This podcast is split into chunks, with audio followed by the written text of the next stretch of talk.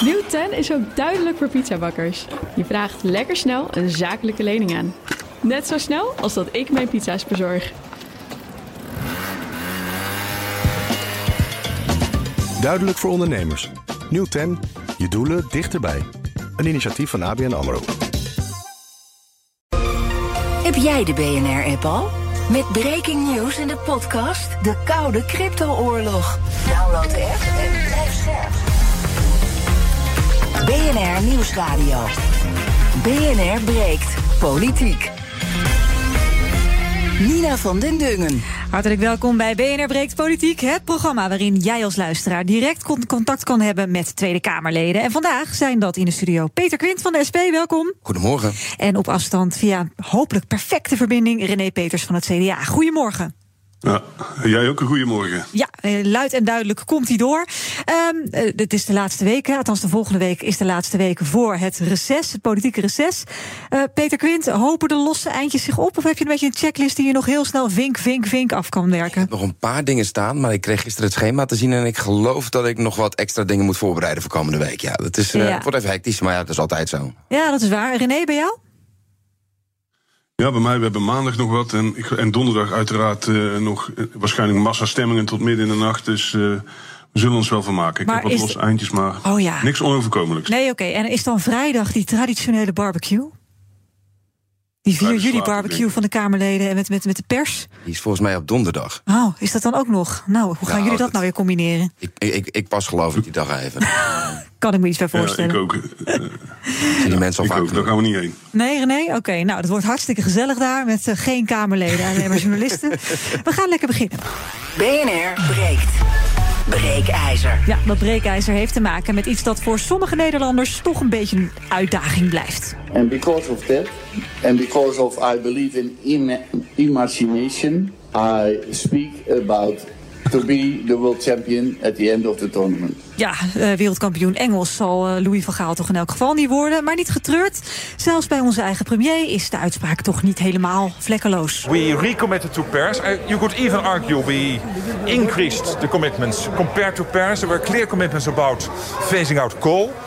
So I was not that pessimistic. I was not that pessimistic. Ja, we gaan het hebben over de Engelse taal in het hoger onderwijs.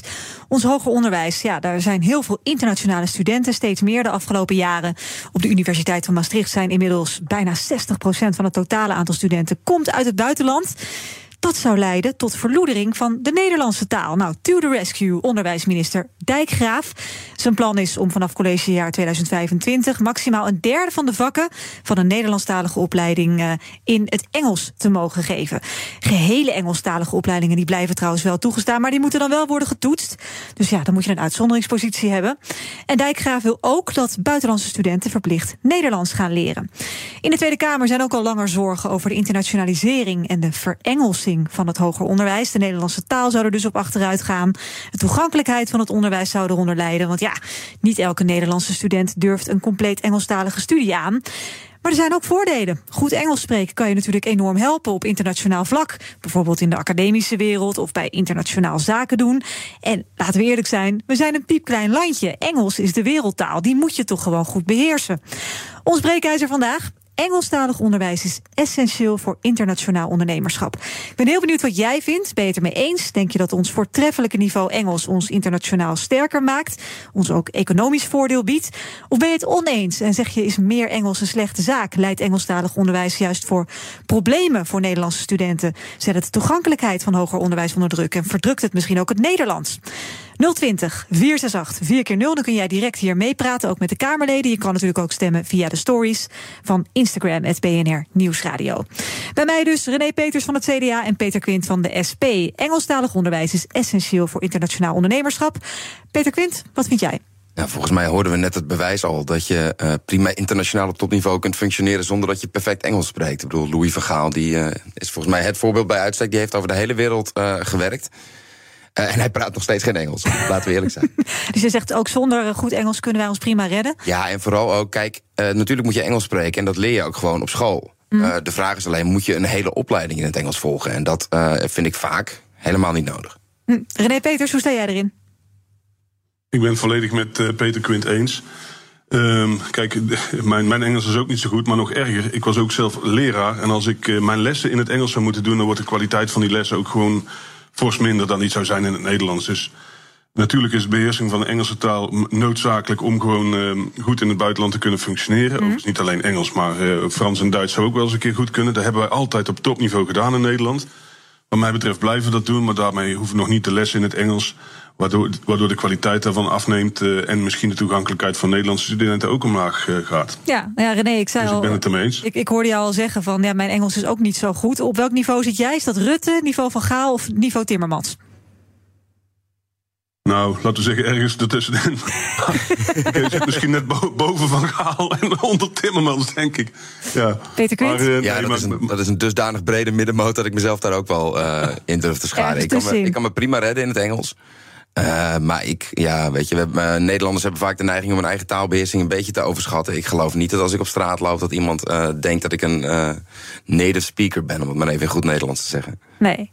Moeten we een goede beheersing van het Engels niet juist ook zien als een van de kwaliteiten van een student? Ook in het hoger onderwijs hebben we het ook over, hè?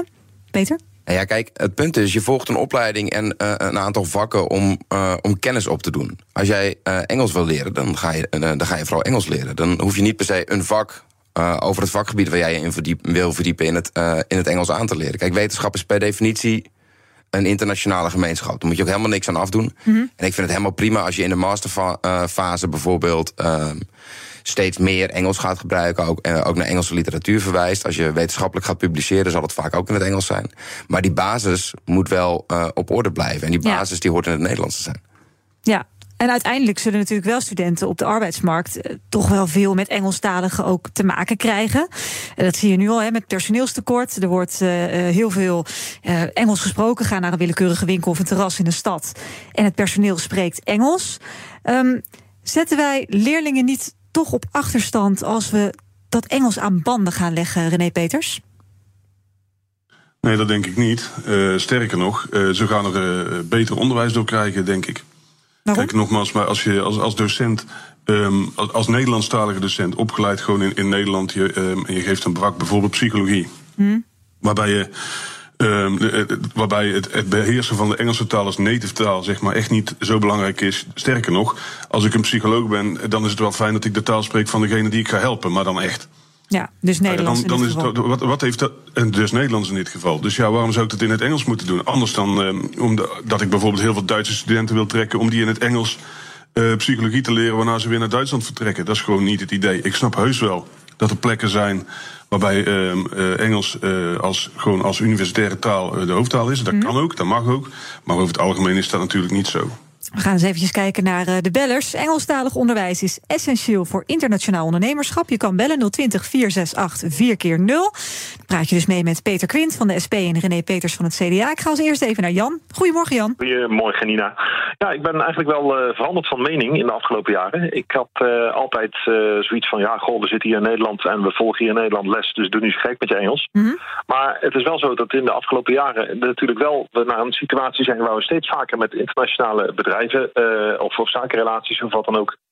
Of onderzoekers uh, moeten samenwerken. Mm -hmm. En ja, dan is het toch wel handig als je gewoon uh, sowieso het Engels goed beheerst. Maar ook vooral het vakjargon uh, heel goed leert oppakken in het Engels. Ja, ja. En dan is het wel van belang dat je dus Engelstalig gedoseerd wordt op de hogescholen en de universiteiten. Kijk ik Peter even aan, Peter Quint. Ja, kijk, het zal per bedrijf verschillen natuurlijk. Maar ik denk dat de meerderheid van de werknemers in Nederland primair te maken heeft met uh, Nederlandse collega's die uh, Nederlands spreken. Dus ik, ik, ik snap wel dat het tijd kan kosten om een vakjargon bijvoorbeeld ook te beheersen in andere uh, talen. Maar op het moment dat je dat vakjargon niet in het Nederlands aangeleerd krijgt, maar in het Engels, heb je volgens mij hetzelfde probleem. maar dan op een veel grotere schaal.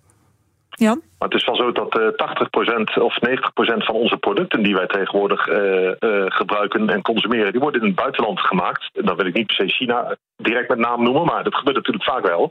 En dan is het toch wel handig als je een taal beheerst. Ja, die de andere partij waar je mee samen moet werken ook gewoon beheerst. Ik heb het zelf meegemaakt. Ik werk eigenlijk al jarenlang met bedrijven waar de voertaal Engels is. Of -hmm. waar je eigenlijk voortdurend dagelijks Engels spreekt. Ja. Omdat je documentatie nodig hebt, moet overleggen. Maar Jan, is het dan nodig dat dat, dat dat Engels echt perfect is? Of mag het ook een beetje Louis van Gaal niveau zijn? Nou, ik denk dat Louis, met, met alle respect voor Louis van Gaal, maar ik denk dat dat Engels niet echt een niveau is waar je in de buitenwereld echt heel ver mee komt. En ik denk dat er ook een beetje lacherig over wordt gedaan. En dan klopt de opmerking over de overschatting van onze eigen talenkennis ook alweer een beetje. Helder, dankjewel Jan. We gaan even naar meneer Bakker. Meneer Bakker, goedemorgen. Goedemorgen. Colleges en lessen in het Engels. Wanneer dat door native speakers wordt gegeven, geen bezwaar. Maar als dat door Nederlandse docenten wordt gedaan, is het bagger. Dan krijg je het verkeerd aangeleerd. Precies. Een beperkte woordenschap bestaande uit toeristen Engels gesproken in de plaatselijke tongval doet vermoeden dat ze les hebben gehad van Mark Rutte zelf. Dat doet afbreuk aan het onderwijs. Bovendien kun je het Nederlands veel preciezer uitleg geven. Ik heb eh, presentaties bijgewoond van studenten die hun best deden Engels te spreken. Docenten stelden vragen in nog krommer Engels. Een aanfluiting niet doen. Ja, aan de andere kant zou je zeggen: oefening baart kunst, meneer Bakker. Gewoon zo, hoe, meer, hoe meer je het ehm, probeert, hoe meer je het uh, oefent, hoe beter je het leert. Klopt. Maar geef alsjeblieft lessen um, in, het, uh, in een taal waar je je heel goed kunt uitdrukken. En geef maar goede Engelse les. Um, voor uh, algemene vorming. Door een native speaker. Dank, helder, meneer Bakker. Rob uit De Beeld. Goedemorgen, Rob. Goedemorgen, Nina, met Rob uit De Beeld. Ja, ik heb in mijn, uh, in mijn loopbaan heb ik heel veel samengewerkt. Internationaal verband met vele collega's uit vele landen. En alleen de Engelsen die spreken perfect Engels. Amerikanen zetten weer andere Dus die hebben een eigen, eigen jargon. Mhm. Maar het is over het algemeen, ja, uh, bijvoorbeeld als je veel landen neemt, bijvoorbeeld in Europa, Spanjaarden, Duitsers, noem maar op, maar ook Indiërs, Chinezen, Israëliërs, waarmee ik samen mensen over de hele wereld. Ja, dan is het Engels is toch allemaal best wel gebrekkig hoor. Probeer je elkaar allemaal wel dingen duidelijk te maken. Maar uh, dat is allemaal maar heel beperkt toch, die kennis. Maar ja, je probeert het zo goed mogelijk te doen wat dat betreft. Helder. Dankjewel Rob. BNR breekt. Politiek. Nina van den Dungen.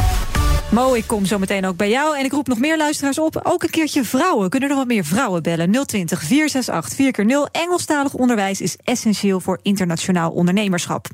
Uh, ik zit hier in de studio met Peter Quint, Tweede Kamerlid voor de SP. En op afstand René Peters, Tweede Kamerlid voor het CDA. En we praten dus over het breekijzer. Engelstalig onderwijs is essentieel voor internationaal ondernemerschap. René Peters, uh, wat, wat vind je van het verplicht uh, Nederlands leren door internationale studenten? Want dat is ook een onderdeel van het plan van minister Dijk. Ja, dat lijkt me een uitstekend plan. Vooral omdat uh, we heel graag willen dat studenten die hier komen, dat die hier ook blijven natuurlijk. Want ja, je kan voor de hele wereld gaan opleiden, maar het is ook de bedoeling dat ze hier uh, bijdragen aan, aan, de economie en aan het leven. Dat, mm -hmm. aan de schatkist, maar gewoon aan de maatschappij, aan de gemeenschap. En daar zul je toch in de basis ook een beetje de taal van moeten kennen. Nou begrijp ik heus wel dat je een, uh, een Spaanse student hier niet native speaker in het Nederlands kunt maken. Maar het zou toch aardig zijn als die uh, zich, eh, zich kan redden op de manier zoals Louis, in ieder geval op de manier waarop Louis van Gaal zich in Engeland kan redden. En dan heb je in ieder geval kans dat ze iets meer integreren. En wie weet blijven ze. Dus, uh, en dat, dat hebben, we, hebben we natuurlijk het liefste. Ja. Dus het is heel goed om, uh, om ook Nederlandse taal te leren. In ieder geval in de basis. Gaan we dat gratis aanbieden, René Peters? Dat gaan we gewoon als vak op de universiteit aanbieden, wat mij betreft. Ja, oké, okay, ze zit in het pakket. Peter Quint? Ja, nee, dat lijkt me, uh, het lijkt me een goed idee. En bovendien, het is ook gewoon leuk als je in een land gaat wonen voor, uh, voor langere tijd, dan, dan wil je volgens mij ook. Uh, Bij de bakker een brood kunnen bestellen. Ja, precies. Net zoals wij in Frankrijk, allemaal ja. net mondjesmaat. Ja, precies. En dan twee croissantjes en dan. Uh... Dan houdt het wel op. Ja, precies. Hoewel een vriendin van mij ooit vroeg aan de bakkersvrouw: Bent u een chocoladebroodje? In plaats van hebt u chocoladebroodje? Ik ben heel benieuwd wat het niet was. Nee. nee, maar dus dat, dat, dat zeg je, dat moet toch wel kunnen. Dat moet er toch op zijn minst Ik vind het ook niet te veel gevraagd. En ook dat ze daarvoor betalen of moet het een vak worden op de Nee, wat mij betreft, het hoeft geen verdienmodel te worden. Uh, het, het, is prima op het moment dat het gewoon onderdeel is van uh, internationale studenten betalen vaak al fors voor, uh, voor hun plek aan de universiteit. Mm -hmm. Dan vind ik het eerder een stuk service naar die, uh, naar die student toe... dat daar ook gewoon een cursus Nederlands bij zit. Daar hoef je ja, niet apart voor te betalen, wat mij betreft. En als we hem dan even omdraaien, want we beperken dan natuurlijk het Engels op de scholen... zou je dan misschien ook kunnen zeggen van... nou, dan moeten we ook wel bij meer studies in elk geval weer fatsoenlijk een vak Engels geven... want dat ontbreekt natuurlijk ook bij veel studies. Ja, nou ja, kijk, dat zal afhankelijk zijn. Uh, wat, je, wat je ziet is dat er gewoon in het hele onderwijs problemen zijn met teruglopende kwaliteit. Kijk, in principe vind ik dat wanneer jij uh, je VWO-diploma haalt en jij daar zes jaar Engels hebt gehad. Mm -hmm. Dat dat voldoende zou moeten zijn. Maar ja, dat vind ik ook van taal en rekenen. En uh, nou ja, van kennissen die ik heb die aan de universiteit werken en die af en toe papers moeten nakijken. Mm -hmm. Uh, hoor ik toch wel regelmatig dat ook de beheersing van het Nederlands, uh, ook door Nederlandse studenten, nog wel eens uh, tekortschiet. Dus het liefst zou ik hebben dat wanneer je het VWO-diploma haalt, dat je gewoon op niveau zit. Ja. Zolang dat niet zo is, denk ik inderdaad dat het dan misschien ook wel nodig gaat zijn om af en toe nog wat Engels bij te spijkeren. Je kan nog een minuutje of 5, 6 bellen. 020 468 4 0 Engelstalig onderwijs is essentieel voor internationaal ondernemerschap. Mo, goedemorgen. Goedemorgen, Nina. Um, ik ben het niet eens met de stelling. Ik ben van mening dat als wij beter Engels aanbieden op de scholen en gewoon het in het Nederlands doen en dan eventueel voor buitenlandse studenten het Nederlands uh, doen, dan is dat alleen maar beter voor onszelf als ja. land. Um, we kunnen er wel van uitgaan dat alles in het Engels is, maar als die studenten uit het buitenland hier komen, de kennis meenemen en dan gaan ze terug naar het land van herkomst, hebben ze ons niet nodig. Dus kunnen wij wel Engels praten, maar. Mhm. Ze hebben daar al studenten die het kunnen. Dus inderdaad, het maakt het ook leuker, denk ik, voor hun als ze wat Nederlands kunnen. Want je komt dan in gekke situaties, zoals hebt u een chocoladebroodje in plaats van bent u. Ja, dat, dat, maakt het wat leuker om het zo te zeggen. En het is beter voor ons als land. Dat Ja. is mijn mening. Maar wat moet je dat dan inderdaad niet aantrekkelijker maken? Dat het hè, dat gevoel van je hoort erbij, eh, blijf vooral hier als je klaar bent met je opleiding. Ik denk dat dat een heel stuk leuker eh, wordt voor iedereen inderdaad. En ook gewoon voor de studenten hier. Want stel je voor, je bent al slecht in het Engels en je bent niet in de mogelijkheid om het even zelf te leren. En je wilt een opleiding doen, maar die is 100% Engels. Ik denk dat de mensen dan ook denken van, hé, hey, daar ga ik het dus niet doen. Want ik zoek iets wat wel aansluit en ik wil het kunnen begrijpen. En wat Ja. vakjargon jargon betreft, dat leer je wel- wel ter plekke. Dat, Ja. Maar dat is op zich nooit een probleem. En dat zijn ze ook heel makkelijk om je te helpen. Want ja, als je niet weet waar je het over hebt, dan is dat lastig ook om te communiceren. Dus daar zijn mensen bereid om je te helpen. Dat is ook niet een probleem. Helder, dankjewel Mo. Nou, ik heb een vrouw, Marie-Louise, goedemorgen. Ja, goedemorgen. Ehm, eh, ik spreek even uit ervaring. Ik eh, heb laatst master gedaan in het Engels en ik vond dat ik nogal goed Engels kon. Nou, eh, dat viel tegen, maar wat meer tegenviel was ook het niveau van het Engels van de docenten. Oh. En dat zei net iemand ook, het steenkolen-Engels. Ik zag dat die mensen nog meer moeite hadden om zich in het Engels uit te drukken dan ik zelf. Oh. Dus eh, ik vind dat eh, waar het nodig is, moet je gewoon eh, de Engelse termen leren.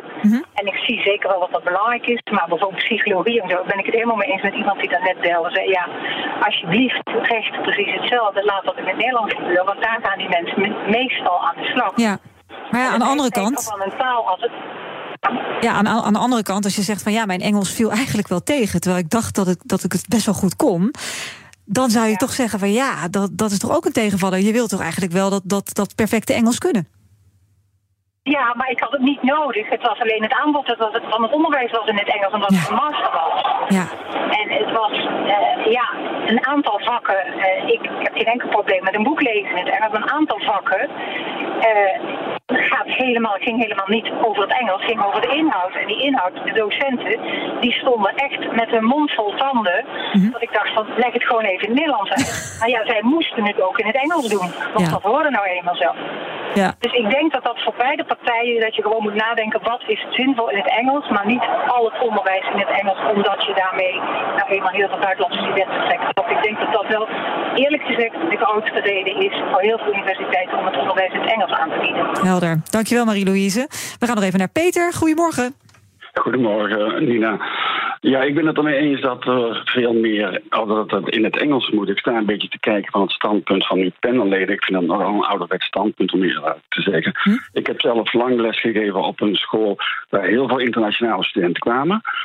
En die hadden al heel erg veel moeite met Engels vaak. En als je dan ook nog van gaat verwachten dat ze Nederlands leren. Ik had veel eh, studenten uit China.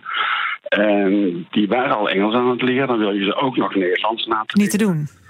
dat is niet te doen. Ik heb zelf eh, heel slecht Engels gehad op school. Ik ben in de internationale wereld terechtgekomen. Het heeft me drie jaar geduurd om fatsoenlijk mee te kunnen komen. Ik denk dat Engels onontbeerlijk is. En ik denk dat Nederlandse studenten heel goed hun Nederlands kunnen leren op de lagere en de middelbare school.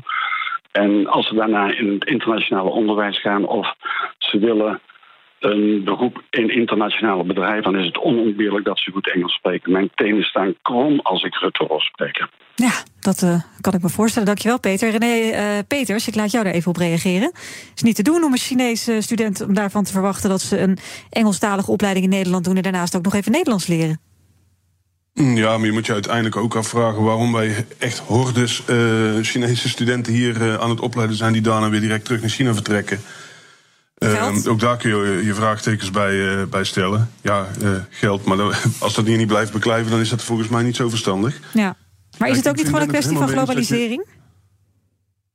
Nou, dat weet ik niet. Als, als, globalisering betekent dat, dat wij investeren in, in slechter onderwijs voor Nederlandse studenten. Eh, wat je dan gewoon krijgt in het Engels, zoals die mevrouw net ook al keurig vertelt.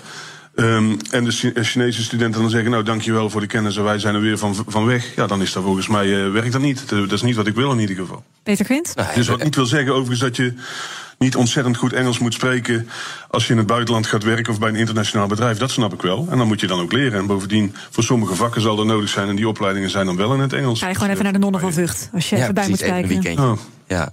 Nee, kijk, en de, de politiek heeft het volgens mij veel te lang eh, op zijn beloop gelaten. Die hebben eh, geaccepteerd dat. eh, nou ja, studenten, of, eh, universiteiten worden gewoon betaald per eh, persoon in de collegezaal. Dus hoe voller de collegezaal, eh, hoe meer geld zij krijgen. En daar zit gewoon in die bekostiging van die hoger onderwijsinstellingen zit echt wat fout. Wat ertoe leidt dat het wel heel erg aantrekkelijk wordt om niet per se vanwege kennisoverdracht of vanwege het investeringsklimaat of wat dan ook allemaal, maar vooral vanwege nou ja, het geld. actief te werven op zoveel mogelijk internationale studenten. Ja. Ik heb nog een vrouw, Lydia. Engelstalig onderwijs is essentieel voor internationaal ondernemerschap. Goedemorgen, Lydia. Hallo, goedemorgen. Nina, dacht ik dat je heette. Ehm Klopt. heette, sorry hoor. Eens of oneens? Eh, ik ben eh, nee, nou ja, ik heb een voorstel om. eh, hoe heet het? De kinderen tweetalig op te laten voeden en te leren vanaf de crash. Het is veel te laat als je op de middelbare school Engels gaat leren. Ik heb het aan mijn eigen dochter zien. Ik heb mijn eigen ervaring. En ik zie het ook, hoe heet het, aan mijn kleinkind. Dat vanaf heel vroeg, dat, dan, zie je, nou ja, dan merken ze zelf wel welke taal ze ook wel leuk vinden. En welke ze wel goed kunnen en niet goed kunnen. Maar als je het niet leert van een native speaker, kan je het toch ook vanaf jongs af aan compleet verkeerd aanleren? Eh, hoe bedoel je? Nou ja, als, als, als de vader of de moeder niet native Engels spreekt en een beetje het steenkolen Engels spreekt, Nee, ongetwijfeld met de beste bedoelingen. Krijgen, of op de, op de crash of wat dan ook. Dat, Daar eh, kan je het wel aanleren. Ik, ja, ik merk het aan mijn kleinzoon. Die, eh, die, die, die woont in Spanje en die is begonnen daar ook met eh, Engels. eh, ook een Engels. eh, eh, Internationale crash. Iemand, nee, iemand die, die voor hem zorgde, omdat mijn dochter Oh werkt. eh, en, maar ja, die, die, die sprak weer helemaal niet goed Engels of zo. Maar eh, hoe heet het? eh, Maar dat werkt hij, dus, zeg hij je. spreekt haast ja. geen Nederlands. Hij verstaat me wel, maar hij kan bijvoorbeeld weer geen Nederlands. Dat ligt hem helemaal niet. Ja. Maar hij is excellent in, in Chinees, omdat hij nou toevallig op een internationale school zit. Maar hoe heet het? dat vindt hij hartstikke leuk. Dankjewel, Lydia. Ja, tweetalig. Quint, ik, Peter Quint, ik zie jou een beetje moeilijk kijken. Ja, nee, ik, zat mij even af te vragen wat het zou betekenen voor het personeelstekort in, eh, in de kinderopvang. Eh, op het moment dat we dat ook nog van de eh, groepsleiders en leidsters ehm, gaan vragen. Kijk, Hmm. er is vrij uitgebreid onderzoek gedaan dat je inderdaad gewoon op jonge leeftijd heel erg snel talen leert. Ik bedoel, Hmm. ik, heb een, ik heb een dochtertje van vijf en nou ja, er wonen bij ons ook experts in de straat. En binnen, eh, binnen tien minuten hebben die twee een manier gevonden om met elkaar te communiceren. Eh, dus dat gaat echt wel. Maar ja, kijk, het, het punt is, je, hoe moet je dat in vredesnaam eh, gaan organiseren? Je merkt nu al dat de beheersing van het Nederlands achteruit loopt. Mhm. Overigens kreeg ik al eh, vanaf de basisschool wel degelijk les in het Engels. Ja. Op groep vijf of zo. Ik moet naar een eh, conclusie, terwijl ik zie dat er nog een paar bellers hangen. Maar dat is echt super jammer. Ik kan het net niet meer meenemen. Ik zie wel dat John belt en die zegt: Ja, ik ben het hiermee oneens. Want wat is nou de toegevoegde waarde eh, van Engels op de universiteit? En eh Jannie zegt: Ja, we moeten het ook in andere hoeken zoeken. Kijk bijvoorbeeld naar uitwisselingsprojecten. Ik wil even naar een conclusie. Ehm René Peters, minder Engels op school. Gaat dat wel of niet ten koste van onze positie op het vlak van internationaal ondernemen, denk jij? Minder Engels op school. Ik vind dat je eh, op school goed Engels moet leren. Het is eigenlijk wat, eh, wat Peter Quinten straks zei. Als je zes jaar VWO hebt gedaan en je hebt daar goed Engels gekregen... dan, moet het dat wel- dan moet het wel in lukken. de basis voldoende zijn voor iedereen, ja. Peter Quint? Ja, dat lijkt mij ook eh, meer dan genoeg. En ik geloof dat onze nou ja, onze, onze vestigingspositie niet afhangt van of je uiteindelijk hoger onderwijs in het Engels aanbiedt of niet. Als we kijken naar de poll op Instagram, Engelstalig onderwijs is essentieel voor internationaal ondernemerschap, dan is 68% het daarmee eens en 32% het daarmee oneens. Veel dank aan uh, alle bellers. Straks gaan wij uh, bespreken uh, de Europese Unie, want die belooft Oekraïne, ook zolang ze nog geen NAVO-lid zijn, te gaan helpen met het beschermen van het land tegen aanvallen van buitenaf. En we gaan ook even vooruitkijken naar morgen 1 juli. Dan verandert er altijd van alles in onze portemonnee. Dat zien we als eerste keihard morgen op de brandstof. Dat bespreken we zo bij BNR Breekt Politiek. Nieuw 10 is ook duidelijk voor pizzabakkers. Je vraagt lekker snel een zakelijke lening aan. Net zo snel als dat ik mijn pizza's bezorg. Duidelijk voor ondernemers. Nieuw 10. Je doelen dichterbij. Een initiatief van ABN AMRO. Krijgen we in Nederland nou echt de beste zorg? Kunnen we met wearables, AI en zorgrobots allemaal gezonder oud worden? Dat onderzoek ik in BNR Beter. Nina van den Dungen. Medische drones, geprinte medicijnen, de nieuwste technologie in ziekenhuizen. Het komt allemaal langs in BNR Beter. Elke maandag om half vier en altijd als podcast. BNR Beter wordt mede mogelijk gemaakt door Philips. Op naar betere gezondheidszorg. BNR Nieuwsradio. BNR breekt politiek. Nina van den Dungen. Met in mijn Kamerledenpanel vandaag René Peters van het CDA en Peter Quint van de SP. En we gaan praten over het nieuws van de dag. Allereerst even over de EU-top in Brussel.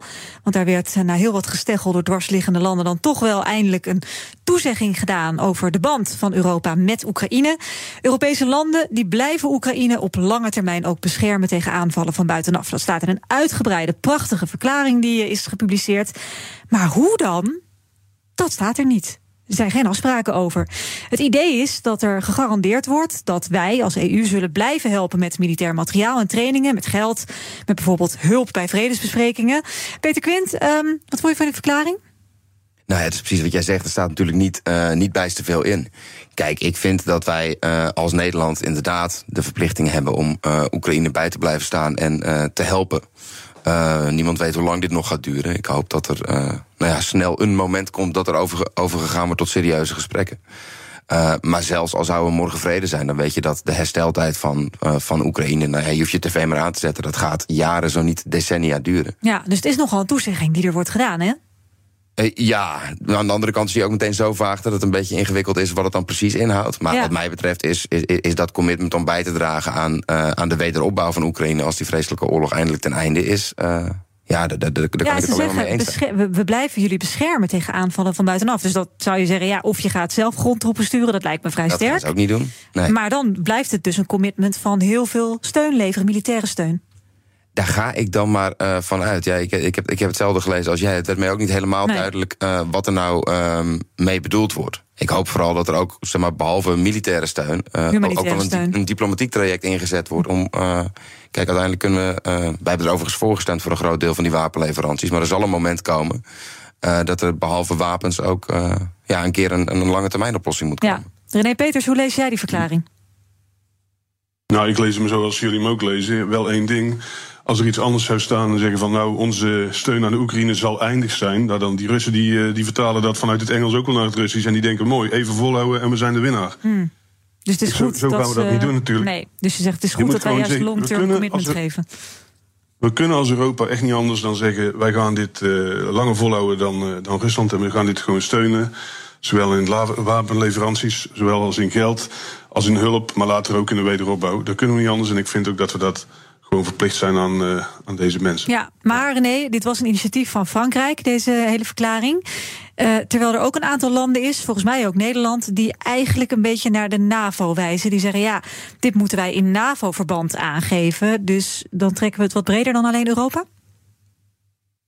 Kijk, eh, ik vind dat we sowieso eh, zou het wel mooi zijn als, eh, als Amerika die leveranties ook blijft doen enzovoort. Iets anders is, die stemmen gaan nu ook op om te zeggen, weet je wat, we maken Oekraïne nu meteen even lid van de NAVO. Ja, dan heb je dus een derde wereldoorlog gecreëerd binnen een seconde. Dat kun je dus niet doen. Of andere mensen die zeggen, we maken ehm, Oekraïne nu meteen lid van, eh, van de Europese Unie. Terwijl ze ook niet voldoen aan alle, alle, alle eisen die dat eh, met zich meebrengt. Dus verder dan dit lijkt me dan ook niet per se nodig. Ik zeg wel langjarig commitment.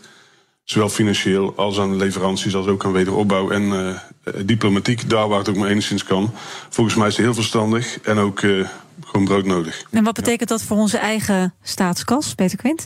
Ja, dat betekent dat wij geld uitgeven uh, wat we niet ergens anders aan kunnen uitgeven. Ja, maar het is ook, Zuinigen? nee, of gaan we dat, bijdrukken? Nou, wat mij betreft, uh, de, de, tekorten zijn best wel laag in Nederland in vergelijking uh, met andere landen. En ik vind dat het dan best wel snel gezegd wordt van uh, ja, je moet, je moet maar gaan bezuinigen, de broekriem moet aangehaald. Of hoe, hoe, zei, hoe zei minister Kaag het ook weer? We zullen allemaal gaan merken dat we gaan inleveren. Mm. Dat wordt dan gepresenteerd als een soort natuurverschijnsel, terwijl het gewoon een politieke, een politieke keuze is. Ja, René?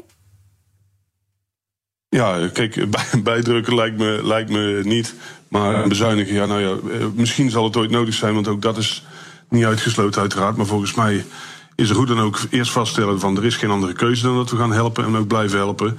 En dat betekent dat als wij, dat wij moeten zorgen dat we het, uh, onze middelen, want politiek blijft ook kiezen in schaarste, daar uitgeven waar het het hardste nodig is. En volgens mij zou je dat eigenlijk altijd wel moeten doen. Ja, nou staat ook in die verklaring dat elke lidstaat aan zich mag beslissen hoe de steun uh, aan Oekraïne er voor, voor die lidstaat uitziet. Wordt het dan niet een zooitje ongeregeld, uh, René Peters? Nou ja, het, het, misschien wordt het. Dit neemt er aan dat ze wel afstemmen met elkaar van wat is er nodig in Oekraïne en wat gaan we dan, wat gaan we dan bieden. Um, volgens mij is het tegenovergestelde dus eigenlijk, we gaan dit coördineren vanuit Europa opleggen wat landen doen. Dat is wel weer het andere uiterste. Hm. Dus volgens mij. Um, in goed overleg, uh, wat jou moet iedereen, betreft. Moet dat gewoon in goed overleg. Oekraïne geeft aan wat ze nodig hebben. Wij gaan kijken wat we kunnen bieden. En we beloven met z'n allen um, gewoon langjarige commitment en steun. Nou, Peter, we, uh, we zien, Peter Quint, we ja. zien uh, dat Europa heel erg goed is in overleggen. Gisteren Zeker. weer op de EU-top waren Ja. Hongarije en Polen toch behoorlijk dwars liggen in een besluit over migratiepact. Ander onderwerp is dat, maar hè, 27 lidstaten die proberen het eens te worden of. Ja, Heb je er dat is de vertrouwen in? gekozen constructie. Kijk, uh, het alternatief is dat je, dat, je- dat je afstand gaat doen van, uh, van vetorechten bijvoorbeeld. Of toe gaat werken naar een Europees leger of een Europees defensiebeleid.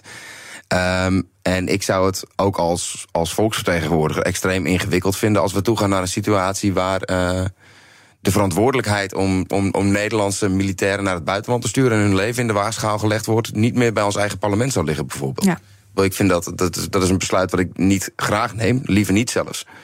Uh, maar ik vind wel dat dat een verantwoordelijkheid is die bij Nederlandse volksvertegenwoordigers zou moeten horen. Ja, laten we hopen dat het niet zo ver komt. Precies. We gaan nog even naar een ander nieuws van deze ochtend en het gaat over. Geld, bakken met geld. Ik ben nog lang niet uitgeteld. Ik zit gewoon Ja, we hebben een regisseur die nogal gek is op Ernst Bobby en de rest. Eh, de inflatie over de maand juni die bedraagt volgens het CBS 5,7 procent. We zijn dus 5,7 procent duurder uit dan een jaar geleden. Stevig getal aan de andere kant ook wel positief, want in mei lag het cijfer hoger. Toen was het 6,1 procent. Er gaan natuurlijk vanaf morgen weer een hoop dingen veranderen. De accijnsen op brandstof gaan weer terug naar het normale niveau. En dat betekent dat een litertje euro 95 vanaf morgen gewoon pats 14 cent duurder is. Een litertje. Volgens Peter Hein van Mulligen, de hoofdeconoom van het CBS, kunnen we dat dus ook zeker gaan terugzien in het inflatiecijfer van de komende maand. Mensen rijden een, eh, meer auto dan voor corona. In ieder geval op de dagen dat ze naar het werk gaan. Dus het, eh, het tikt ook wel zwaar mee. Dus eh, ja, als de accijns gewoon weer terugkomen op het oude niveau. Dan, ja, dan mag je er al van uitgaan dat dat wel een verhoogd effect heeft op de inflatie. Ja, Peter Quint, hoe keek, je, hoe keek jij vanochtend naar het inflatiecijfer? Van Ja, eh, nou ja, ik, eh, vooral met de maatregelen die er nog aankomen in, in je achterhoofd. Kijk, natuurlijk is het fijn dat het iets, la, eh, iets lager is dan, eh, dan vorige maand. Maar als je weet dat inderdaad die benzineprijs omhoog gaat. Ik geloof ook dat eh, eh, bijvoorbeeld de, de, de kinderbijslag wordt niet, eh, wordt niet geïndexeerd. nee, gaat die gaat iets omlaag. Ehm, ja, voor heel veel mensen zijn nog aan het bijkomen van, eh, van de afgelopen jaren. Ik merk ook zeg maar, in mijn omgeving veel breder dan alleen, eh, alleen de laagste inkomens. Dat steeds meer mensen nog steeds moeite hebben om, eh, om rond te komen. Mhm. Dan vind ik het heel vers- onverstandig om dan juist een paar van die maatregelen eh, nu al terug te draaien. Ja. Zoals die accijns. Ja, dus jij zegt die accijns, daar had je echt mee moeten wachten. Ja, want volgens mij schiet je nu meteen weer terug naar de prijs wat die zo ongeveer was toen de maatregel genomen werd. Die komt ergens Ja. rond de 2,20 per liter uit of zo. Ja. Aan de Ja. andere kant, het zijn vooral de middeninkomens die geholpen waren met deze eh, tijdelijke accijnsverlaging. Eh, hè, want die maken, geregeld, die maken de meeste kilometers. Ja, goed, eh, middeninkomens, dat zijn niet de laagste inkomens.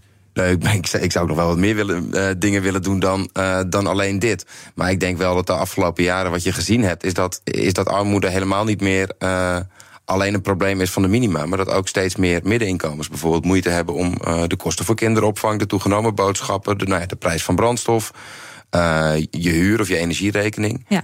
Dat, dat ook Dus niet daar dat daar niks steeds meer financiële problemen zijn. Ja. Ja. René Peters van het CDA, hoe kijk jij eh, naar het inflatiecijfer en dus zeker ook naar het, eh, het, het accijns eh, terugdraaien? Nou, er zitten eh, zoals overal weer veel kanten aan. Ehm, kijk, sowieso, als iets dingen duurder worden, is dat gewoon knap vervelend voor iedereen. En zeker voor lagere en, en, en lagere middeninkomens. Maar wat mij veel belangrijker is eigenlijk, dat wij nou eens... We hebben in Nederland echt pak een beter miljoen mensen... waarvan we echt weten dat ze het zwaar hebben met, eh, met rondkomen. En dat hangt helemaal niet af van, eh, van wat, wat benzineprijs of een losse maatregel. Dat moet je gewoon breder bekijken. Ja. En nu, eh, vorig jaar is er ook een commissie ingericht. Die gewoon nou eens echt gaat bekijken. Wat is nu dat sociaal minimum? Wat zouden mensen nou moeten hebben in verschillende type gezinnen?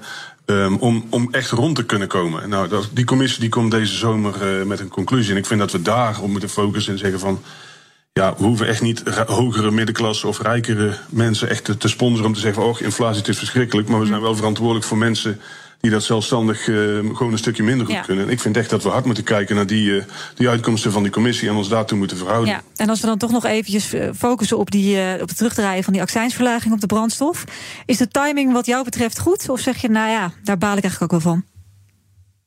Nou, volgens mij is die timing nooit prettig. En is die zo afgesproken, doe je het anders, dan kost het, je ook weer, kost het ook weer vele miljoenen, zullen we maar zeggen. Miljarden ik wil het gewoon breder kijken.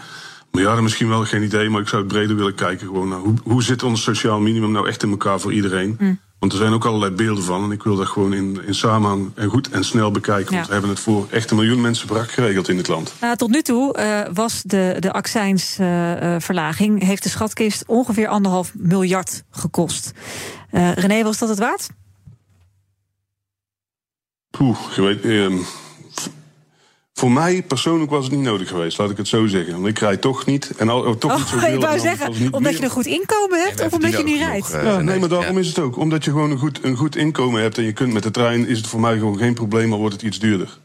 Maar voor sommige andere mensen is het wel een groot probleem. Het is gewoon een ongericht instrument wat dat betreft, als het gaat om armoedebeleid.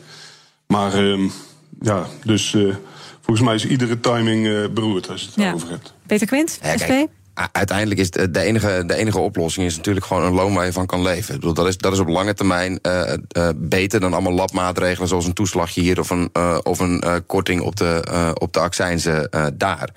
Maar ja, daar is ook nog een flinke inhaalslag te, staan, eh, te slaan. Omdat er gewoon steeds meer mensen zijn die ook met een eh, volwaardige baan nou ja, het einde van de maand niet halen. Nee, en daar zou eens even apart beleid op moeten komen. Precies. Nieuw 10 is ook duidelijk voor pizzabakkers. Je vraagt lekker snel een zakelijke lening aan. Net zo snel als dat ik mijn pizza's bezorg. Duidelijk voor ondernemers. Nieuw 10. Je doelen dichterbij. Een initiatief van ABN AMRO. Krijgen we in Nederland nou echt de beste zorg? Kunnen we met wearables, AI en zorgrobots allemaal gezonder oud worden? Dat onderzoek ik in BNR Beter. Nina van den Dungen. Medische drones, geprinte medicijnen, de nieuwste technologie in ziekenhuizen. Het komt allemaal langs in BNR Beter. Elke maandag om half vier en altijd als podcast. BNR Beter wordt mede mogelijk gemaakt door Philips. Op naar betere gezondheidszorg. BNR Zaken doen.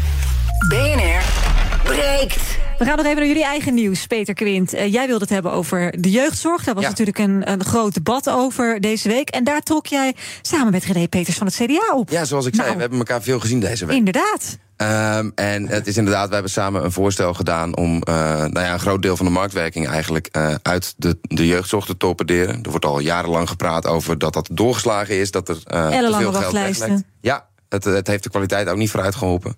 Dus wij hebben gezegd, nou ja, stop nou in ieder geval met die eh, private equity investeerders in de jeugdzorg. Die vaak- hoeveel zijn dat er?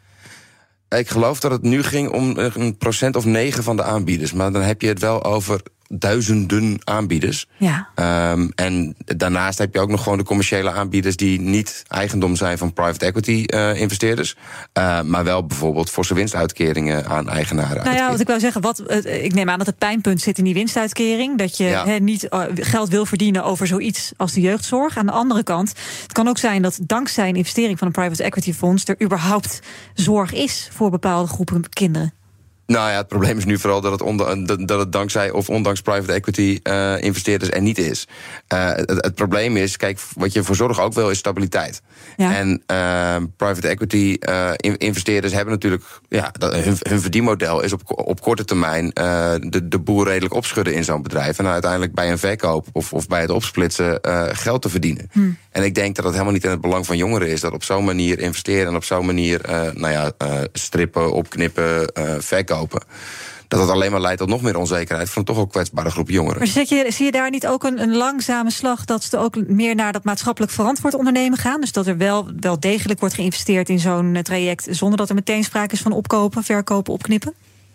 Ik weet het niet. Ik heb, ik, ik- heb niet het idee dat het antroposofische instellingen zijn. Dat hoeft ook niet. Hè? Ik bedoel, de, de- de- Nee, maar me- goed. me- mensen mogen ondernemen en mensen mogen geld verdienen. Ik vind alleen wel dat de politiek mag bepalen dan eh, in welke sectoren ze dat even niet ja, doen. Dat maar jij zegt jeugdzorg moet je echt uitsluiten Ja. van private equity. Ook Absoluut. als ze daar eh, de beste bedoelingen mee hebben, maar er wel wat aan verdienen. Ja. René eh, Peters van het CDA, wat vind jij ervan? Ja, ik vind eh, wat geld verdienen nog iets anders dan eh, waar het op sommige plekken gebeurt. Kijk, het is, men zegt wel, de, jeugdzorg, ja, daar is geldtekort. Nou, dat is gedeeltelijk waar. Sommige instellingen die hebben het ongelooflijk moeilijk. Die helpen meest ingewikkelde kinderen met, eh, met moeilijke problemen. Daar hebben ze voor gemiddelde tarieven, daar hebben ze het gewoon heel zwaar te halen. En er zijn ook gewoon eh, bedrijven waar ze 30, 40 procent winst eh, draaien. En dat gewoon lachend uitkeren. Die lopen gierend van de lach binnen op, op kosten van, van de belastingbetaler. En eigenlijk helpen die dan ook veelal kinderen die misschien wat lichtere en minder ingewikkelde problemen hebben. Die de weg heel goed weten te vinden.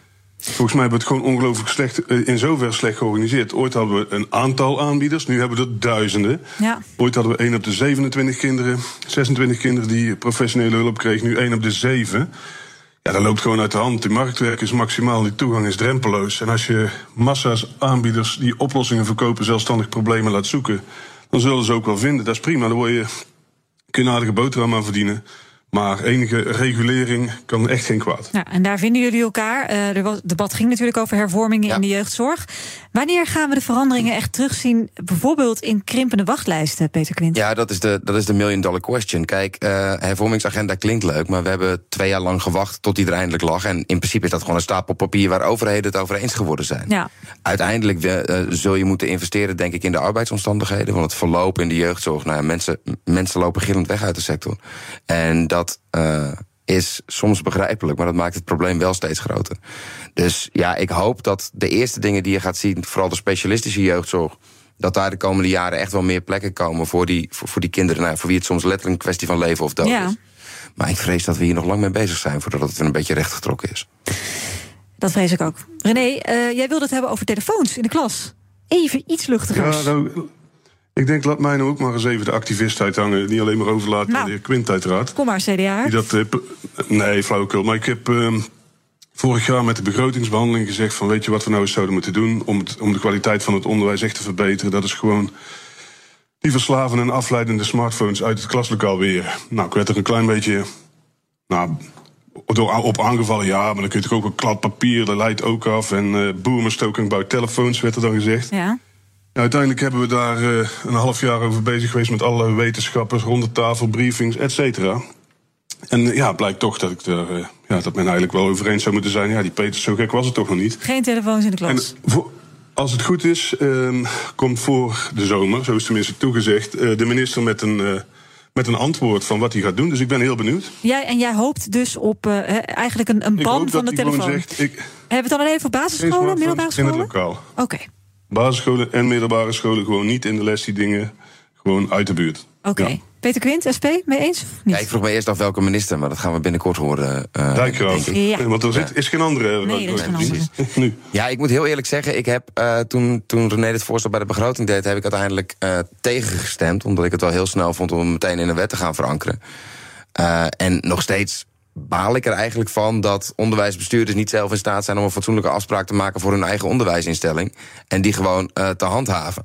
Maar eerlijk gezegd, eh, de negatieve consequenties voor zowel de rust in het klaslokaal als de concentratie van leerlingen die zijn wel echt groot. En ik hoor echt wel van heel veel docenten dat het ze ontzettend veel tijd en moeite kost. aan het begin en aan het eind van het uur, bij wijze van spreken. om die, eh, om die krengen van tafel te krijgen. Ja. Dus ja, het zou zomaar eens kunnen dat het uiteindelijk toch een verbod wordt.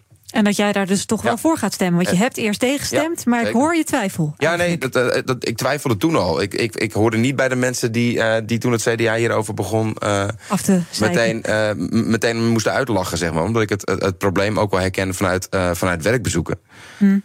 Maar ik vind het eigenlijk voor schoolbesturen wel een brevet van onvermogen... dat er een wet voor nodig is om gewoon, Ja. eh, om gewoon je onderlinge afspraken te maken. Ja, maar René, eh, leuk, eh, goed idee. Wellicht om, om, die, om die telefoons eruit te bannen, maar dan hebben we nog steeds de laptops, toch? Is dat niet een beetje hetzelfde laptops, die, die zijn in ieder Nou, nee, kijk, in ieder geval zo'n telefoon, die, is, eh, die trilt, die geeft licht. Zelfs als die uit is en die zit in mijn broekzak, dan voel ik hem nog trillen. Hebben jullie dat ook? Nou, ik, dat, ik ik heb dat trilding al lang uitgezet, maar inderdaad, ik snap je punt. Nee, maar, maar ze zijn gewoon verslavend en gepersonaliseerd... en gewoon door de slimste mensen van de aarde... met miljardenbudgetten zo ontworpen om je aandacht vast te houden... te pakken en vast te houden. Hmm. Ja, dat daar gewoon niet tegen op de box is, nog niet. Door een docent, eigenlijk door niemand. Helder, we gaan nog even kijken wat er trending is op sociale media. Nou, hashtag technische gladiatoren, de tech gladiators. Italië heeft namelijk een aanbod gedaan aan Mark Zuckerberg en Elon Musk. Namelijk dat ze hun kooigevecht in het Colosseum in Rome mogen uitvechten.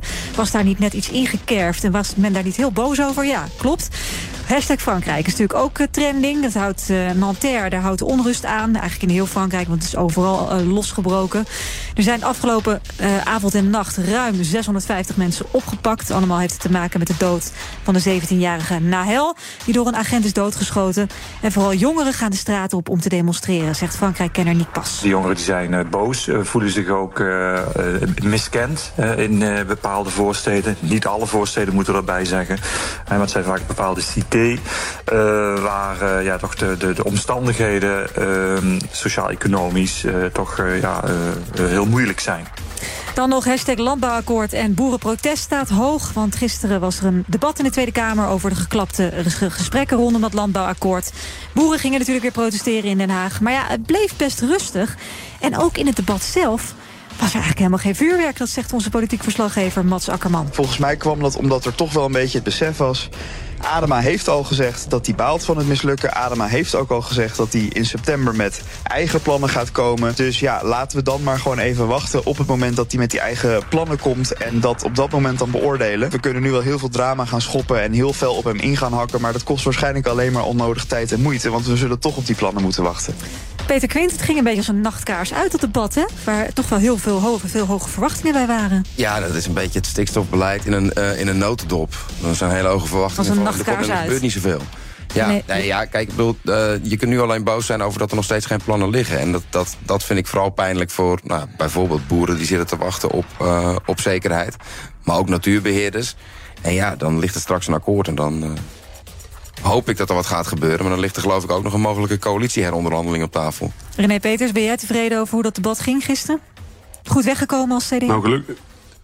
Nou, eh, gelukkig eh, ben ik niet degene die dat debat hoeft te voeren of dat dossier hoeft bij- te houden. Ik vond het vooral gewoon vervelend hoe gepolariseerd eh, mensen vanuit loopgraven van tevoren naar elkaar roepen dat de ander niet deugt. Die wil niet, zus, die handtekening is niet waard. Ehm, zij willen veel te veel, zij te weinig. En dat, dat gaat maar door. En zo beginnen we gewoon niet. Terwijl wel degelijk iets moet gaan gebeuren. En voor de natuur en ook voor boeren die gewoon langjarig perspectief moeten hebben. Dus als we over elkaar blijven roepen ehm, van alle kanten. Laat staan midden in de nacht telefoontjes gaan sturen en, en appjes gaan sturen om mensen onder druk te zetten. Ja, dan komen we nergens. We moeten het met z'n allen doen en anders Ja. gebeurt het gewoon niet. En ook nog Beginnen even, dus. En ook nog even chapeau voor jouw eh, collega natuurlijk, eh, René Peters. Voor Eline Vedder, die daar toch maar stond nadat ze een hele hoop over zich heen had gekregen via die vervelende trillende, trillende telefoon. Ik heb een oplossing. Die hele telefoon gewoon niet meer mee de kamer in. Wat denken jullie daarvan?